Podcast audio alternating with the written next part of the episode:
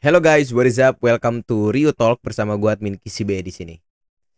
Oke, kali ini eh, kita akan ngebahas episode terbaru dari Boruto yang barusan aja gue tonton dan ini jam berapa sekarang? Ini sekitar aduh, jam 11. Jam 11. Jadi gue tadi tuh nonton sekitar jam 10-an lah ya, baru baru sempat nonton. eh gue merasa bahwa episode kali ini membuat gue sangat puas.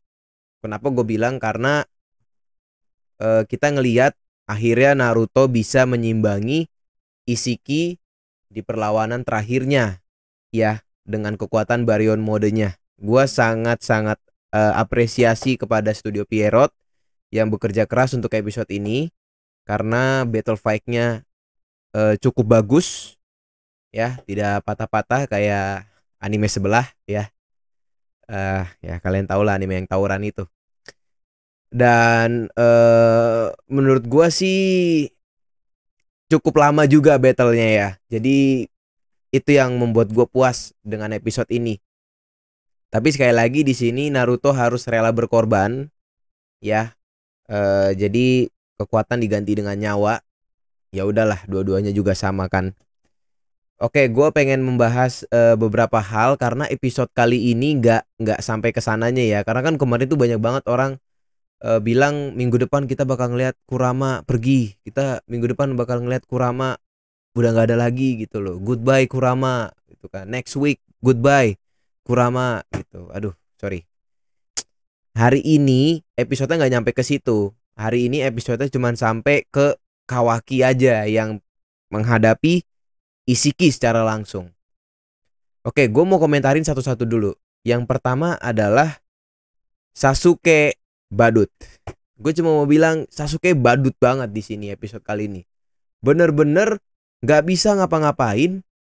Cuman hanya bisa pelongo-pelongo aja, hahaha Ya udahlah, kita mau gimana? Bahkan dia pun aja kaget ngeliat cakra Naruto sebesar itu. Gitu loh bahkan eh kalau nggak salah em, apa tuh kekuatan Isiki itu yang tiang-tiang itu tuh dengan sangat cepat menuju ke Naruto bisa ditangkap sama Naruto. Itu luar biasa banget. Jadi Naruto bener-bener ada di kekuatan eh, level atas lah kalau gue bilang. Tapi ya sekali lagi ya gantinya nyawa. Nah gue eh, menarik di sini melihat bahwa sebenarnya eh, Uchiha sebenarnya Uchiha sekarang berarti udah lemah banget gitu loh. Oke, uh, korek gua gua nggak mau ini ya, gua nggak ini opini gua aja. Jadi kalau misalnya salah ya kalian bolehlah uh, kasih gua saran atau misalnya kritik kalau gua ada kesalahan ngomong. Tapi yang selama ini gua nonton di Naruto gitu ya. Gua nggak fans berat Naruto tapi gua ngikutin Naruto. Gua merasa bahwa sebenarnya Uchiha sangat-sangat tidak berguna di pertandingan ini. Oke lah kita kita coba mundur ke belakang waktu Sasuke dan Naruto bertarung dengan Isiki.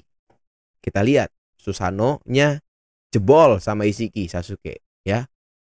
Paling-paling yang dia gunain kekuatannya apa? Kalau nggak Rinnegan, Sharingan untuk baca eh apa tuh? Untuk ngebaca kekuatannya Isiki. Maksudnya teknik-tekniknya Isiki, kecepatannya Isiki. Tapi itu belum mampu juga untuk ngebantu Naruto lawan Isiki. Akhirnya dia pakainya apa? Ya udah Rinnegan aja, minda-mindain aja dia pakai gitu. Ya kan? Pokoknya Naruto dalam bahaya udah gue pindahin aja dah, yang penting gue mati duluan gitu. Ini terbukti bahwa sebenarnya Uchiha udah lemah banget. Gitu loh. Oke. Terlepas dari itu, gue cuma mau bilang eh sebenarnya banyak banget jurus terlarang yang diketahui oleh Uchiha tapi tidak dipakai. Contohnya saat Naruto saat di serial Naruto itu waktu Itachi lawan Kabuto kalau nggak salah. Bersama Sasuke, dia ngeluarin uh, jurus yang terlarang yaitu Izanagi kalau nggak salah ya. Izanagi yang akhirnya membuat waktu itu berulang-berulang terus di dalam suatu ilusi. Nah, Gua itu tidak melihat itu sama sekali di Sasuke. Sebenarnya kalau dia tahu jurus terlarang itu, kemungkinan itu akan memperlambat Isiki ya dalam pertarungan sebesar itu. Jadi kalau dia pakai Isiki, eh sorry, kalau dia pakai Izanagi, terus dia lakukan itu, dia bikin ilusi itu terhadap Isiki, gue nggak tahu ya. Gue nggak tahu karena Itachi gunain Izanagi itu terhadap manusia bukan terhadap dewa. Saat itu dia gunain terhadap Kabuto. Tapi setidaknya bisa ngelawan gitu loh. Kalau misalnya itu berfungsi kepada dewa ya kenapa enggak? Pakai aja gitu Izanaginya. Kalau misalnya dipakai Izanagi, ya kemungkinan isi kemungkinan itu bisa ini apa memperurung waktu gitu loh. Jadi selama bertarung jedak jeduk jedak jeduk ya kan. Ternyata diulang lagi waktunya, bertarung lagi, diulang lagi waktunya. Karena tadi kita lihat kekuatannya Naruto saking besarnya itu dia juga menyerap kekuatannya Isiki juga. Jadi yang sa yang saat itu Isiki bisa hidup selama 20 jam sama Naruto dihajar cuman jadi sekitar setengah jam. Kalau ditambah Izanagi Sasuke, mungkin Isiki bisa cepet mati gitu loh. Dia udah nggak ada lagi. Dia udah nggak ada lagi. Dia udah nggak ada kartu as lagi untuk nyelamatin diri atau misalnya kabur ataupun untuk ngelawan. Gitu. Dan sekali lagi Sasuke bener-bener kosong kosong kosong. Gue tuh bingung ya Sasuke ngapain aja. Palingan cuman ngejelasin ke Boruto aja. Ya pertarungannya begini. Naruto menggunakan teknik ini. Naruto menggunakan kekuatan ini. Kamu harus bisa belajar gitu. Sampah banget. Sasuke itu bener-bener jatuh. Padahal gue dulu itu gue uh, nonton Naruto itu yang paling gue suka adalah Sasuke. Sasuke sampai sekarang. Sampai uh, Boruto Boruto pun gue itu mau nonton Boruto karena mau ngeliat Sasuke doang. Dan bener-bener hancur di pertarungan ini. Gue tuh nggak tahu lagi. Dan uh, gue baru aja nemu teori ya tapi ini hanya se, se apa sependapat gue aja ya seperti yang tadi gue bilang kalau misalnya pendapat pendapat gue bagi kalian itu tidak masuk akal ya kalian boleh komen atau misalnya kalian ngasih saran atau kritik ke gue terserah oke kita bisa debat kok.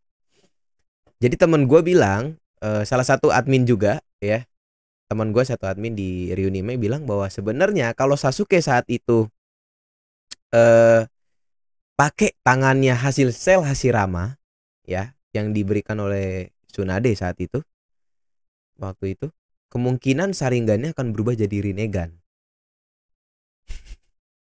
gua nggak paham gua sempat nggak paham tapi menurut gue itu masuk akal dan kita lihat kalau Sasuke bener-bener punya Rinnegan dua-duanya berubah jadi Rinnegan dan bisa lawan Isiki dan dia punya dua tangan kemungkinan Naruto dan Sasuke itu bisa menang 75%. Gua taruh 75% lah terhadap Isiki. Gitu ya. Oke. Itu dari segi pertarungan mereka. Oke, sekarang kita beralih ke Naruto ya. Uh, Kurama bilang di awal jangan ngabisin energi ya kan? Karena kekuatan ini kekuatan terakhir kartu as. Jadi Naruto tuh pinter banget kerjanya cuma ngehindar aja jedar jedar jedar ya kan Isiki Isiki udah ngamuk kejar jedar jedar jedar jedar mental-mentalan segala macem nah kalau kita lihat pertarungan ini Naruto tuh bener-bener sangat OP dengan Baryon mode. Coba bayangin. Padahal waktu masih muda aja lawan Sasuke itu Sasuke masih bisa ngelawan loh Naruto ya. Entah itu dari taijutsu, ninjutsu segala macem Sasuke masih bisa ngelawan. Tapi kali ini Sasuke cuma bisa bengong dan bener-bener kali ini Pak Kades tuh gila keren banget. Gue tuh nggak bisa ngomong lagi. Bener-bener keren banget. Dia tuh santai banget bertarungnya karena dia udah karena dia udah bener-bener pasrah gitulah. Ya udahlah ini untuk nyelamatin anak gua Konoha ya kan?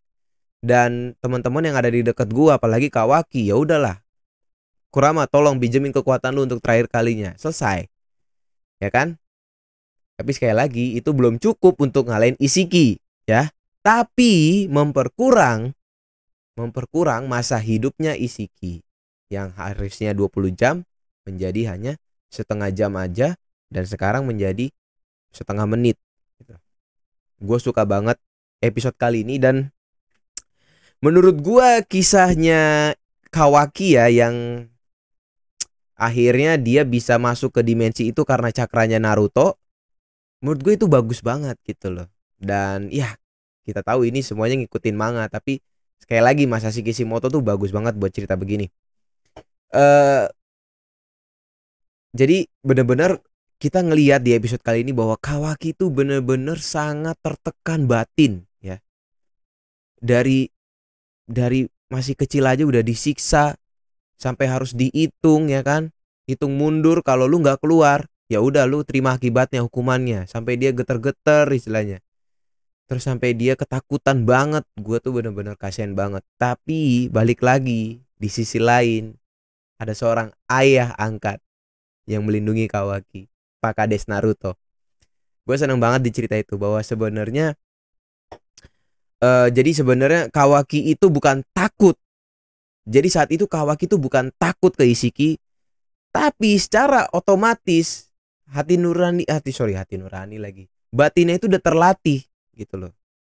Jadi jadi dia itu ngadapi Nishiki bukan karena takut tapi sedang membuat rencana agar dia bisa menjadi seperti Naruto karena dia tahu ujung-ujungnya pasti yang ngelindungin dia kalau nggak Sasuke, Naruto atau Boruto gitu loh. Jadi dia nggak jadi gua tuh yakin banget di situ kalau kita lihat raut wajahnya Kawaki itu bener-bener dia tuh nggak punya rasa takut sama sekali setelah dia memikirkan dan membandingkan dari Isiki dengan Naruto. Yang satu nyik, tukang nyiksa, yang satu tukang kasih sayang. Gitu loh. Dan saat itu juga kita ngeliat flashback kan Kawaki nanya ke Kurama, sebenarnya gue bisa nggak kayak dia?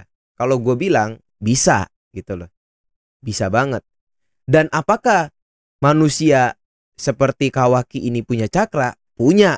Nggak mungkin nggak punya. Karena semua itu keturunan dari Dewa Kaguya dia pasti semua manusia di Konoha itu kok sorry Konoha di dunia shinobi Naruto itu pasti punya cakra tergantung ngelatihnya aja dan dia bisa uh, make jurus apa udah gitu aja. Karena di dunianya Naruto ya semua pasti punya cakra gitu. Dan sekali lagi gua bener-bener impress banget. Kali ini episode puas visualnya bagus ya. Uh, teknik battlenya lama banget ya nggak sebentar. Ya nggak cuman tonjok ini doang tet kayak anime sebelah. Ya.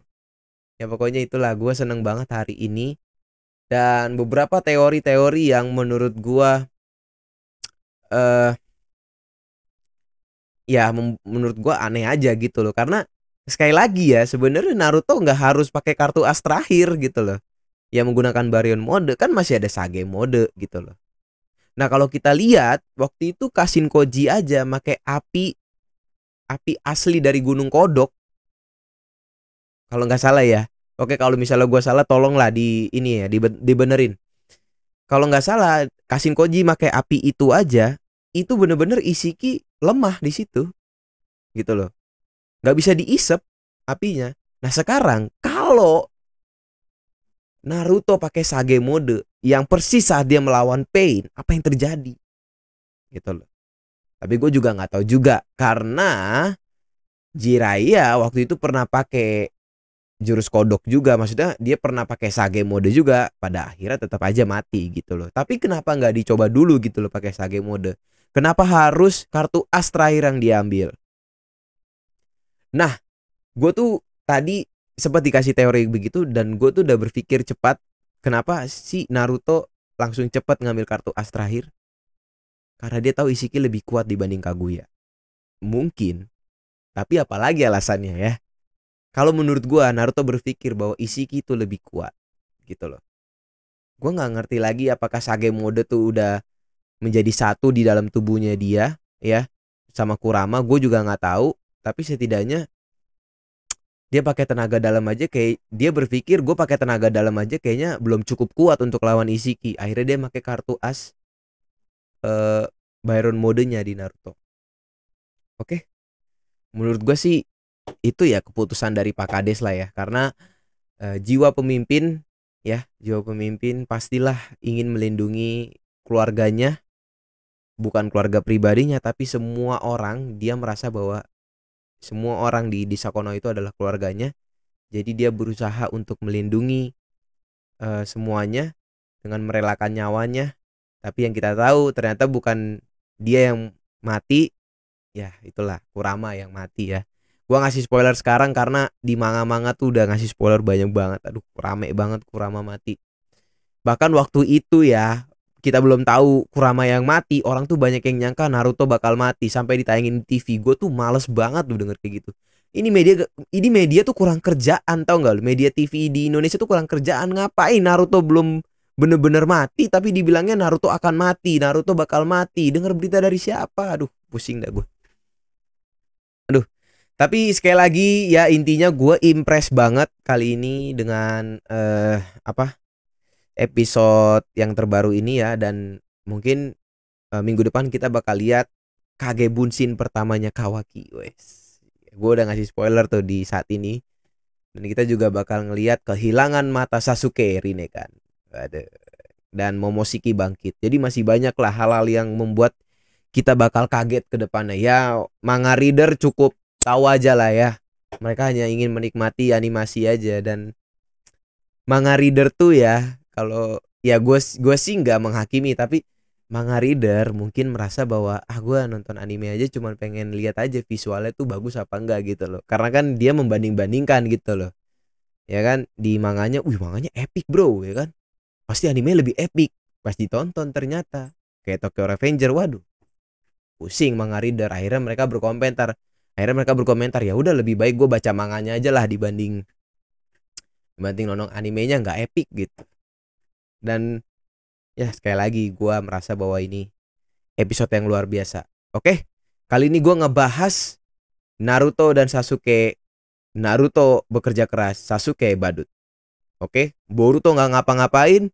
Kawaki yang tadinya lemah jadi kuat karena dia tahu bahwa sebenarnya yang lindungin dia adalah orang yang kasih sayang, orang yang punya kasih sayang lebih dibanding orang yang selalu menyiksa dia tiap saat. Jadi kita tunggu episode selanjutnya. Oke, itu aja dari gua admin KCB. Thanks for watching.